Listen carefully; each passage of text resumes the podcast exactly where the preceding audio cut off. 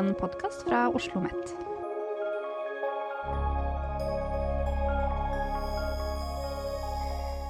Du lytter til Kaipodden, som handler om arbeidsinkludering, utenforskap og velferdspolitikk. Mitt navn er Telje Sadegi, og jeg er forsker ved Arbeidsforskningsinstituttet her på Oslo OsloMet. I dag skal vi snakke om hvordan Nav følger opp og vurderer sykemeldtes arbeidsevne. Hver eneste dag er om lag 130 000 nordmenn sykemeldt fra jobben sin. Det er et politisk mål at sykemeldte så raskt og i så stor grad som mulig skal komme tilbake i jobb. De som er sykemeldt, kan ha rett på sykepenger dersom arbeidsevnen er redusert på grunn av sykdom eller skade, og det er Nav som avgjør om den sykemeldte har rett på sykepenger. Men hvordan gjør de det? Hva baserer de sine vurderinger på? Og hvordan involverer de leger og arbeidsgivere i dette arbeidet? Dette er spørsmål vi stiller i denne episoden av Kaipoden. Med oss i studio har vi en forsker fra Universitetet i Sørøst-Norge som har studert Navs oppfølging av sykemeldte. Velkommen til studio, Karianne Nyheim Stray. Tusen takk. La oss aller først få klarhet i forløpet i oppfølgingen av sykemeldte. For de sykemeldte skal gjennom såkalte dialogmøter. Kan du kort forklare hvordan denne oppfølgingen foregår? Ja, det kan jeg starte med. Altså, Oppfølging av sykemeldte det følger jo en tidslinje som er lovbestemt. Og eh, det har noen oppfølgingspunkter langs den tidslinja som da blir utgangspunktet for måten Nav-veilederne organiserer arbeidet på. Og det er regulert av både folketrygdloven og arbeidsmiljøloven. Um, og uh, det er sånn at um, Ifølge folketrygdloven så er det arbeidsgiver som har hovedansvaret for å følge opp den sykemeldte arbeidstakeren, og arbeidsgiveren har også plikt til å tilrettelegge arbeidssituasjonen sånn at den sykemeldte kan utnytte arbeidsevnen sin. Så etter allerede etter fire uker så skal arbeidsgiver utarbeide en oppfølgingsplan sammen med den sykemeldte arbeidstakeren, og den skal sendes da til sykemelderen. Og så er det da et dialogmøte én som gjennomføres på arbeidsplassen mellom arbeidsgiveren og arbeidstakeren i løpet av de første sju ukene av fraværet. Og da er målet å diskutere om det er noen muligheter for å sette inn noen tiltak som gjør at fraværet kan reduseres, eller at uh, arbeidstakeren kan komme tilbake litt raskere. Og så, etter 26 uker, så har Nav ansvar for å kalle inn til et dialogmøte to.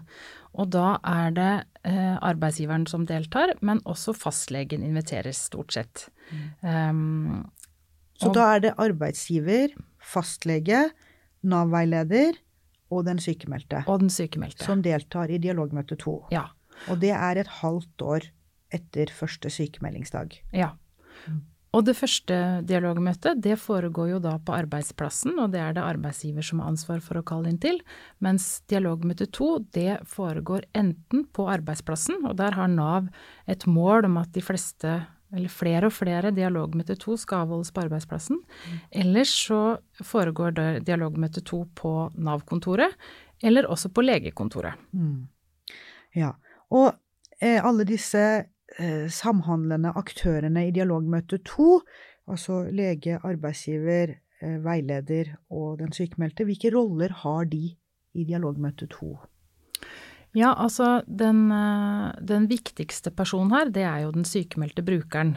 Mm. Som, eh, som, eh, deltar, og som er hovedpersonen, på en måte. For målet er jo å finne tiltak som gjør at den sykemeldte kan komme raskere tilbake til jobb. Mm. Uh, og så er det jo arbeidsgiveren som uh, deltar, fordi den har mulighet til å tilrettelegge, eller det er jo det som er målet å finne ut, om det er noe som kan gjøres på arbeidsplassen for at den sykemeldte skal komme raskere tilbake. Eh, så det er jo arbeidsgiverens rolle.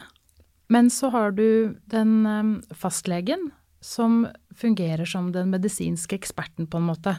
Som er den som skal gi råd om hvordan eh, Både hva som er forsvarlig, som den sykemeldte kan gjøre, og også si noe om prognosene. Mm. For når den sykemeldte kan være helt frisk, f.eks. Mm.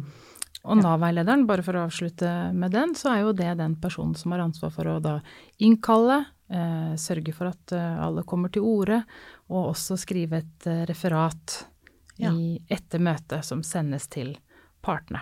Så og Nav- leder møtet. Så Nav-veileder blir mer en ordstyrer i dialogmøte to, stemmer det? Både ja og nei. Eh, Nav-veilederen skal jo føre ordet og lede møtet, men det er jo også Nav-veilederen som skal sørge for at eh, man blir enig om hvilke tiltak som skal settes i verk, f.eks. Og Nav-veilederen har jo også en oppgave i dialogmøte to å passe på at de eh, vilkårene som brukeren er nødt til å oppfylle for å få sykepenger, faktisk er oppfylt. Ja. I din forskning kaller du Navs oppfølging av sykemeldte eh, for aktiveringsarbeid. Ja. Eh, Hva er det som ligger i dette begrepet, og hvorfor bruker du det om den jobben som, som Nav utfører overfor sykmeldte? Ja. ehm, aktiveringsarbeid bruker jeg fordi eh, den eh, politikken da, som vi, eh, vi snakker om når vi snakker om oppfølging av sykemeldte i Norge, den kaller vi aktiveringspolitikk. Og, og da er det et annet begrep som det er naturlig å plukke fram med det samme, og det er denne arbeidslinja som vi hører mye om. Ehm, og det handler rett og slett om at de tiltakene og de virkemidlene og velferdsordningene som vi har i Norge, de skal uh, utformes på en sånn måte at de støtter opp under det målet om at alle skal jobbe. Alle som kan jobbe, de skal kunne jobbe. Og da blir um, jobben til Nav-veilederen i forlengelsen av det, blir jo da å finne måter som den sykemeldte kan bruke de ressursene som den sykemeldte har, til tross for at vedkommende er syk, eh, i arbeid. Det er konsekvensen av arbeidslinja for akkurat oppfølging av sykemeldte. Nav-veilederes jobb er, som du sier, altså å bidra til at eh, sykemeldte kommer tilbake til arbeid så fort som mulig. Mm. Og det er det som ligger i at dette er et aktiveringsarbeid. Em, hvilke skjønnsrom har da Nav-veiledere når de vurderer om den sykemeldte har rett på sykepenger? Ja, altså eh, skjønnsrommet på sykepengeområdet, det er jo ramma inn av både lovverk og rundskriv, sånn som gjelder de andre ytelsene som Nav, eh, Nav har. Eh, så her er det jo noen vilkår som den veilederen skal vurdere brukerens arbeidsevne opp mot. Og det mest sentrale vilkåret da, det er jo knytta til dette med sykdom. Altså at fraværet må skyldes arbeidstakerens egen sykdom eller skade som årsak til fraværet for at eh, man skal få sykepenger. Og her eh, er det jo et rundskriv som bl.a. understreker at eh, dette med arbeidsuførhet som skyldes økonomi, økonomiske vansker eller sosiale årsaker, det gir ikke rett til sykepenger. Og i tillegg så er det et aktivitetsvilkår. Og det er knytta til den aktivitets- og medvirkningsplikten som den sykemeldte har. Og det innebærer at den sykemeldte har plikt til å være i arbeidsrelatert aktivitet så tidlig som mulig, med mindre det er medisinske grunner til at det ikke går, da. Og at den sykemeldte skal medvirke til å gi opplysninger og ta imot behandling, forsøke tilrettelegging og utarbeide oppfølgingsplaner. Kort sagt medvirke til at fraværet skal bli så lite som mulig, og at arbeidsgiver skal bli så lite skadelidende som mulig. Så det er jo på en måte de, det formelle her. Men um, selv om det her kan se ut som veldig sånn tydelige plikter og rettigheter, så snakker veldig mange veiledere om at de syns det er vanskelig likevel. Fordi uh, ting henger sammen. Det er vanskelig å se eller å avgjøre hva uh, altså sykdom som, eh, eh, som skyldes stress eller bekymring for økonomi f.eks. Uh, mange veiledere snakker om at arbeidskonflikter er en kilde til sykdom og fravær, men som da ifølge lovverket ikke gir rett til sykepenger. Så her er det Og dette er det jo kanskje heller ikke så lett å tilrettelegge for, som jo er målet med et dialogmøte to, at man skal møtes for å se hvordan man kan finne muligheter til å, å tilrettelegge eller gjøre, gjøre fraværet så lite som mulig. Og så er det et, et annet forhold her også, da, og det er jo eh, mangelen på informasjon. dette at um, nei, veilederne har begrensa med informasjon. For det første så er det jo altså sykemeldingen eh, inneholder en uh, diagnose ofte, og, og mange Nav-veiledere har ikke medisinsk kompetanse som gjør at den informasjonen er veldig lett tilgjengelig. Eh, mange sykemeldinger inneholder også lite informasjon, mm. så det gir ikke så mye å, å ta utgangspunkt i for å finne løsninger. Mm. Og så har du dette med oppfølgingsplanen, som mm. arbeidsgiver skal ha fylt ut på forhånd, men som i mange tilfeller mangler. Um. Men forskningen din viser også at veiledere som følger opp sykemeldte, mener at sykemeldte stort sett alltid kan gjøre noe. Hva, hva ligger til grunn for denne, denne antagelsen som veiledere forfekter? Er det ikke slik at uh, at hvis man er 100% sykemeldt, så kan man ikke gjøre noen ting. Da kan man ikke jobbe. Ja, jeg fant jo i min forskning at uh, det synes å herske en overbevisning i Nav om at uh, alle stort sett kan gjøre noe, som du sa. Uh, og det handler i bunn og grunn om at Nav er opptatt av at det er en forskjell mellom diagnose og funksjon. Så det betyr at Nav tar utgangspunkt i den sykemeldtes funksjonsevne eller arbeidsevne, og ikke diagnosen. Så selv om en diagnose kan tilsi at man er 100 syk, så leter Nav-veilederne etter muligheter for at personen kan være noe i aktivitet likevel. Mm. Og den holdningen, da, eller den tankegangen, den opplever ikke Nav nødvendigvis at arbeidsgiverne eller brukeren eller fastlegene er innforstått med, eller forstår, eller er enig i. Mm.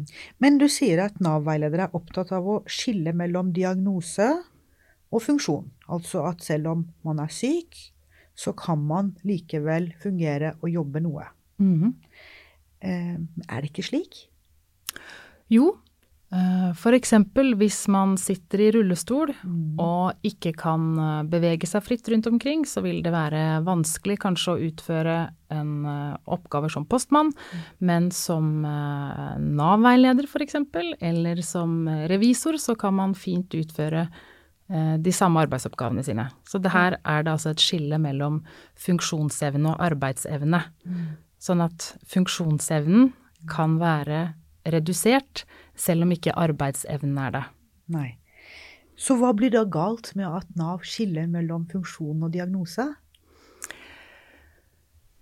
Ja Det som gjør at dette kan være en kilde til en eh, konflikt rundt et dialogmøte to-møtebord, det er jo at eh, som jeg var inne på tidligere, at arbeidsgiveren og den ansatte og fastlegen kanskje ikke følger den samme tankegangen som det Nav gjør. Mm. For arbeidsgiverne så kan det jo handle om at eh, de har en medarbeider som ikke fungerer optimalt, altså at den sykemeldte eh, er syk og har kanskje en lang historikk med fravær. Og at de har fått inn en, en bedre og mer velfungerende vikar, f.eks., mm. som gjør at det kan være mer lønnsomt å beholde vikaren enn å nødvendigvis tilrettelegge for en sykemeldt ansatt som, som, har slitt med helseproblemer en lang stund. Um, nå refererer jeg hva veilederne har fortalt til meg, fordi mitt utgangspunkt var jo å snakke med veilederne og ta deres perspektiv, så jeg har ikke intervjua in, um, arbeidsgiverne eller fastlegene, eller heller ikke brukerne om dette. Mm. Så det jeg uttaler meg om, blir jo da på bakgrunn av hva veilederne forteller at uh, de forskjellige aktørene Mm, ja. For å ta fastlegens perspektiv, så, så forteller veilederen at mange fastleger mener at pasienten først bør bli frisk mm. før vedkommende kan begynne å jobbe. Og det er også en kilde til en mulig konflikt. Mm. At man har ulike oppfatninger av hva som er den beste veien til mål, da. Mm. Det, det, blir jo en vanskelig oppgave ja. for Nav-veilederen som skal vurdere hvem som eh, ikke kan jobbe fordi de ikke vil, mm. og hvem som ikke kan jobbe fordi de ikke kan, eller trenger tilrettelegging og bistand for å, å få det til. Mm. Og det er jo en eh, helt opplagt utfordring. Ja. I en del av din forskning har du også identifisert to forhold som Nav-veilere er opptatt av i sine vurderinger av sykemeldte. Mm. Det første handler om hva den sykemeldte kan utføre av arbeid eh, til tross for at de er syke. Mm. Og den andre handler om vurdering av den sykemeldtes motivasjon og arbeidsmoral, og da i sammenligning med veilederens egen motivasjon og arbeidsmoral.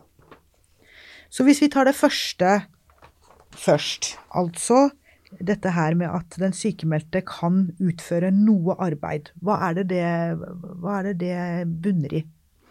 Ja, det bunner i den jakten på arbeidsevnen, da. Det å forsøke å få klarhet i hva, hvilken funksjonsevne som brukeren har, ved å stille ulike spørsmål. Og da finner jeg bl.a.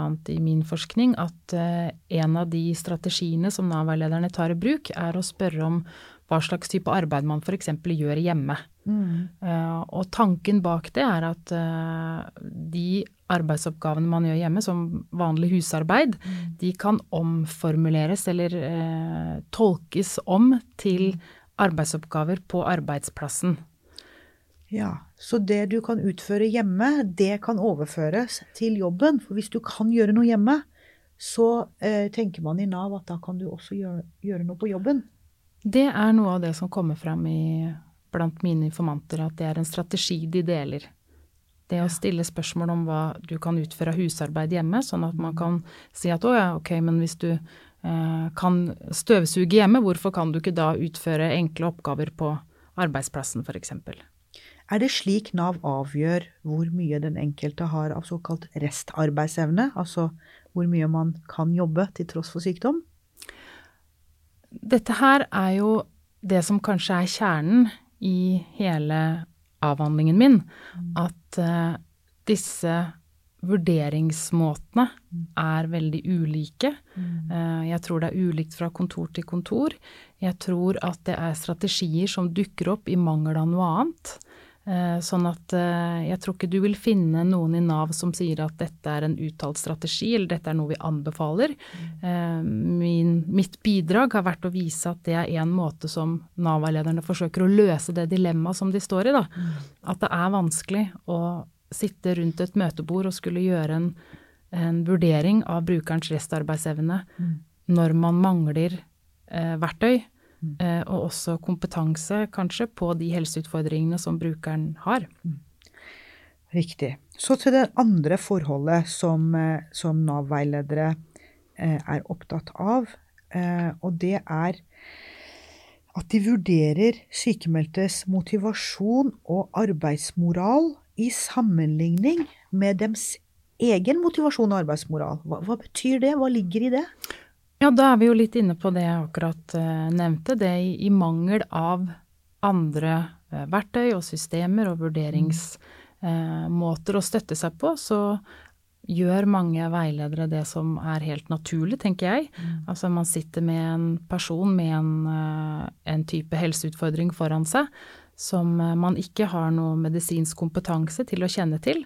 Og da tenker jeg at det er veldig naturlig at vi griper til det som er oss nærmest, nemlig våre egne erfaringer. Og så vurderer vi, eh, eller så sammenligner vi. Og det er det jeg finner at mange veiledere sammenligner da de eh, helseutfordringene som, som brukerne har, med hvordan de sjøl erfarte den type helseutfordringer, f.eks. Hva konkret handler det om?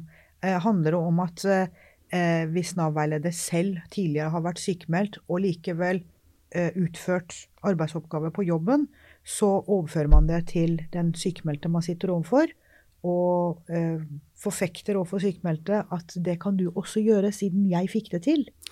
Ja, det kan være en konsekvens. For eksempel eh, at man sjøl har eh, slitt med stress, mangel på søvn, at man er eh, sliten, utbrent, men likevel har mestra å gå på jobb. Eh, og så kan man bruke de erfaringene overfor en bruker som ikke har det. Det at veilederne trekker på sine egne individuelle erfaringer i oppfølgingen av sykemeldte, og at de, som du skriver i din eh, forskning, at de tar et personlig ansvar for velferdsstatens bærekraft, Ja. eh, det omtaler du som en moralsk vending av velferdsstaten. Kan Ja. du si litt mer om hva som ligger i denne moralske vendingen av velferdsstaten? Ja, og det, det, da tenker jeg at vi må, vi må ta utgangspunkt i den um, aktiveringspolitikken, eller uh, diskursen, for å bruke et sånt uh, ord som vi, vi snakka om litt innledningsvis, som handler om dette med velferdsstatens bærekraft. At det er en sånn utbredt bekymring, uh, ikke bare i, um, i, i, Norge og i den offentlige debatten her, men også litt i land vi sammenligner oss med, om at vi må sørge for å holde bærekraften Nei, holde velferdsstatens bærekraft eh, Holde, holde velferdsstaten flytende. Um, og, og, det handler jo for det første om at det er, det er nok, nok folk må jobbe for å betale skatt, for å sørge for dette sikkerhetsnettet som skal være der hvis folk ikke har anledning og mulighet til å jobbe. Eh, men så snakker man også om at eh, velferdsstaten må være normativt bærekraftig. Og det syns jeg er interessant, fordi det innebærer at staten også må ha tillit i befolkninga på måten den omfordeler på.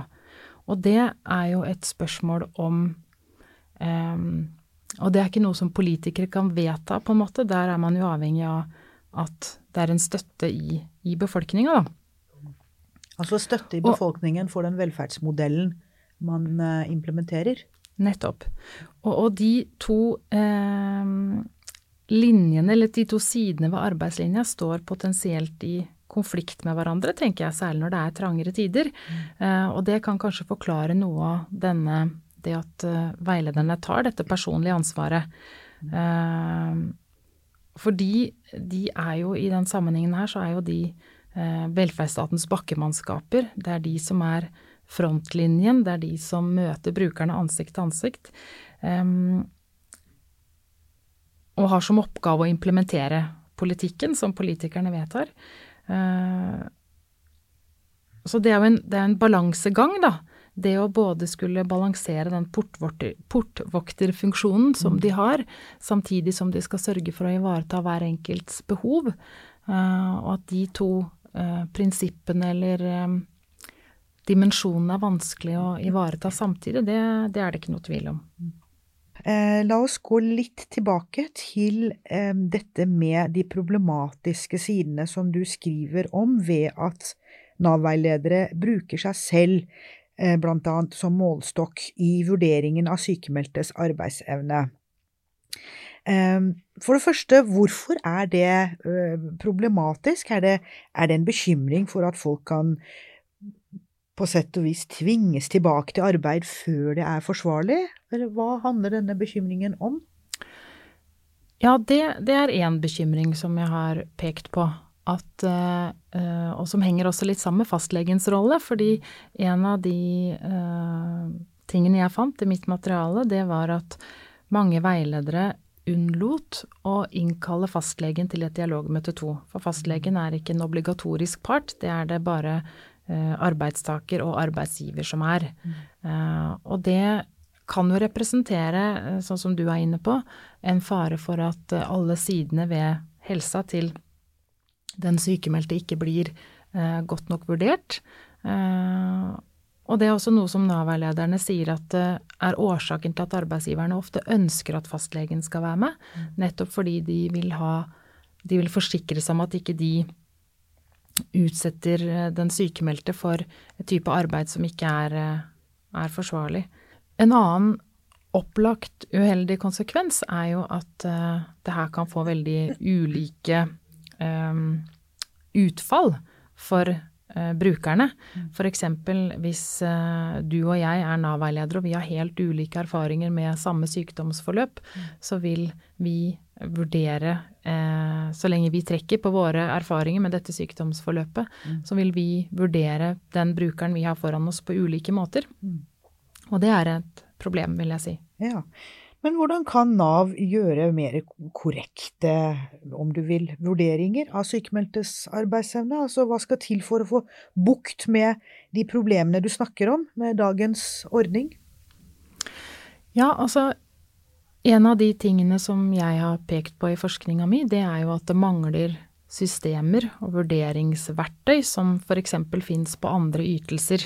Eh, når Nav vurderer om en eh, bruker fyller vilkårene for å motta arbeidsavklaringspenger, så er det et ganske omfattende eh, arbeidsevnevurdering eh, en omfattende arbeidsevnevurderingsprosess som foregår i forkant av en sånn vurdering. Eh, så det man kunne tenke seg, var jo at eh, man utvikla noen enklere arbeidsevnevurderinger som en type rettesnor eller noen retningslinjer som kunne være veiledende. Mm. Annet, en annen måte å tenke på er jo å, å se på den kunnskapen eller kompetansen som Nav-veilederne har, at er, de har veldig varierende bakgrunn. Mm. Det å tenke i større grad en felles opplæring som kunne ruste veilederne til å gjøre den type vurderinger, er en annen, en annen måte å tenke på. Mm. Da må vi sette en strek. Tusen takk, Karianne Nyheim Stray, for at du deltok i denne episoden av Kaipodden. Så hyggelig. Du har lyttet til Kaipodden, som er en podkastserie fra Kompetansesenter for arbeidsinkludering.